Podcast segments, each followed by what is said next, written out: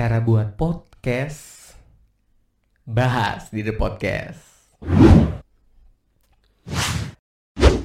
Balik lagi sob, kemarin kita semua udah sama-sama belajar apa itu podcast dan kenapa belakangan podcast bisa viral banget. Ya, memang salah satunya adalah karena proses pembuatan podcast itu mudah.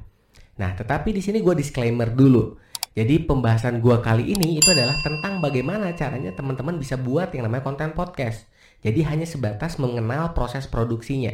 Jadi nanti gue berharap tidak ada yang berekspektasi lebih. Ketika udah belajar sama gue kalian langsung bisa viral podcastnya. Enggak. Gue disclaimer di awal kenapa?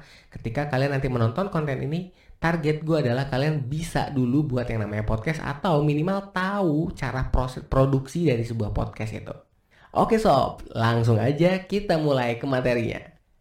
Nah, tahap pertama dari pembuatan podcast adalah kalau menurut gue pribadi, kalian harus tahu konsep atau topik yang kalian akan ambil dari podcast yang akan kalian buat nanti. Kenapa? Banyak sih alasannya, tetapi intinya adalah itu sebagai identitas podcast kalian nantinya.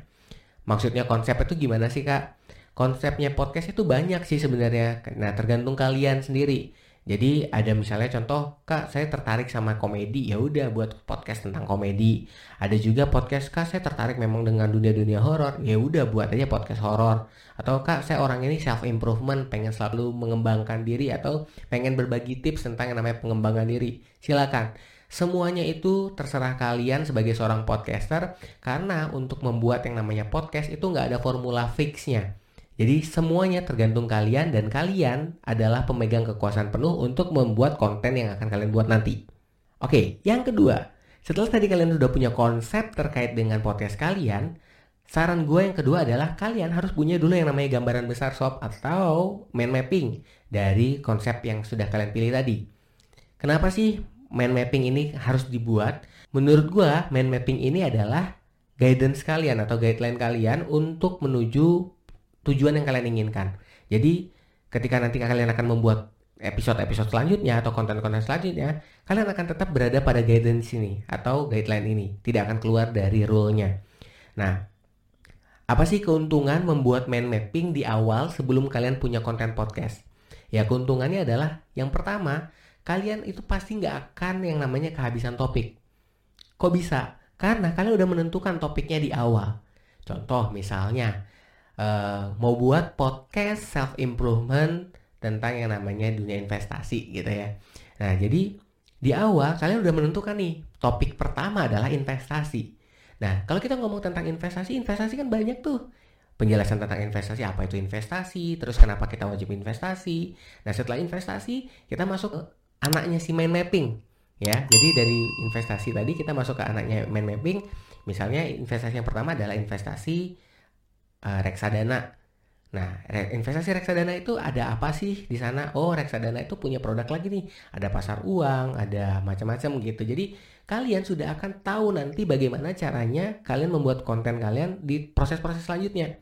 Karena di awal kalian sudah tentukan guidance-nya atau kalian sudah menentukan ini loh topik yang akan gue bawa nanti sampai akhir podcast gue.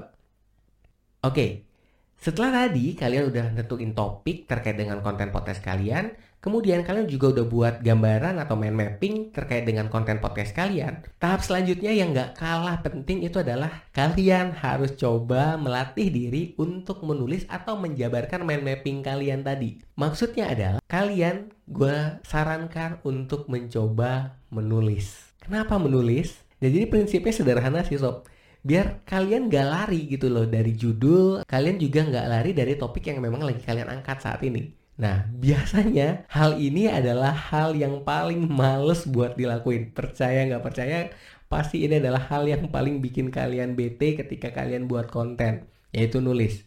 Tetapi, mau nggak mau, kalian harus lakukan. Karena ini adalah kunci untuk membuat konten kalian akan menjadi lebih baik. Ketika kalian tidak menulis, maka nanti ke, kalian nggak tahu nih bakal ngomong apa dan tiba-tiba improvementnya ke mana. Akhirnya informasi yang disampaikan pada konten podcast kalian itu buyar gitu. Jadi gue menyarankan untuk teman-teman yang ada di sini setelah kita buat main, map, main mapping tadi, kita coba untuk menulis minimal kita tahu nih topik-topik apa yang akan kita bahas dalam masing-masing main mapping tersebut. Oke, selanjutnya topik udah punya, mind mapping udah punya dan yang ketiga kalian sudah punya materi kalian dalam penulisan mind mapping tadi. Nah, tahap keempat ini adalah waktunya kita untuk yang namanya take audio. Kenapa take audio? Ya, sekali lagi, mungkin kalian belum dengar konten gue di episode pertama. Kalau kita berbicara tentang yang namanya podcast, podcast itu adalah media komunikasi dalam bentuk audio digital. Jadi kalau kalian yang taunya podcast dalam bentuk video, itu adalah bentuk pengembangannya saat ini. Pada dasarnya sebenarnya basic dari podcast itu adalah audio. Nah, terus gimana caranya membuat take audio? Bang, gue kan belum punya alatnya. Gimana caranya gue buat podcast? Simple. Seperti yang gue bilang di video pertama, alat yang paling mudah yang kalian bisa gunakan untuk membuat konten podcast adalah handphone kalian. Jadi, kalian tinggal buka saja aplikasi audio recording dan kemudian setelah kalian buka aplikasi audio recording, silakan kalian langsung aplikasikan apa yang kalian sudah tulis tadi ke dalam audio recording. Dan kemudian baru kita akan masuk ke proses selanjutnya. Proses selanjutnya apa bang?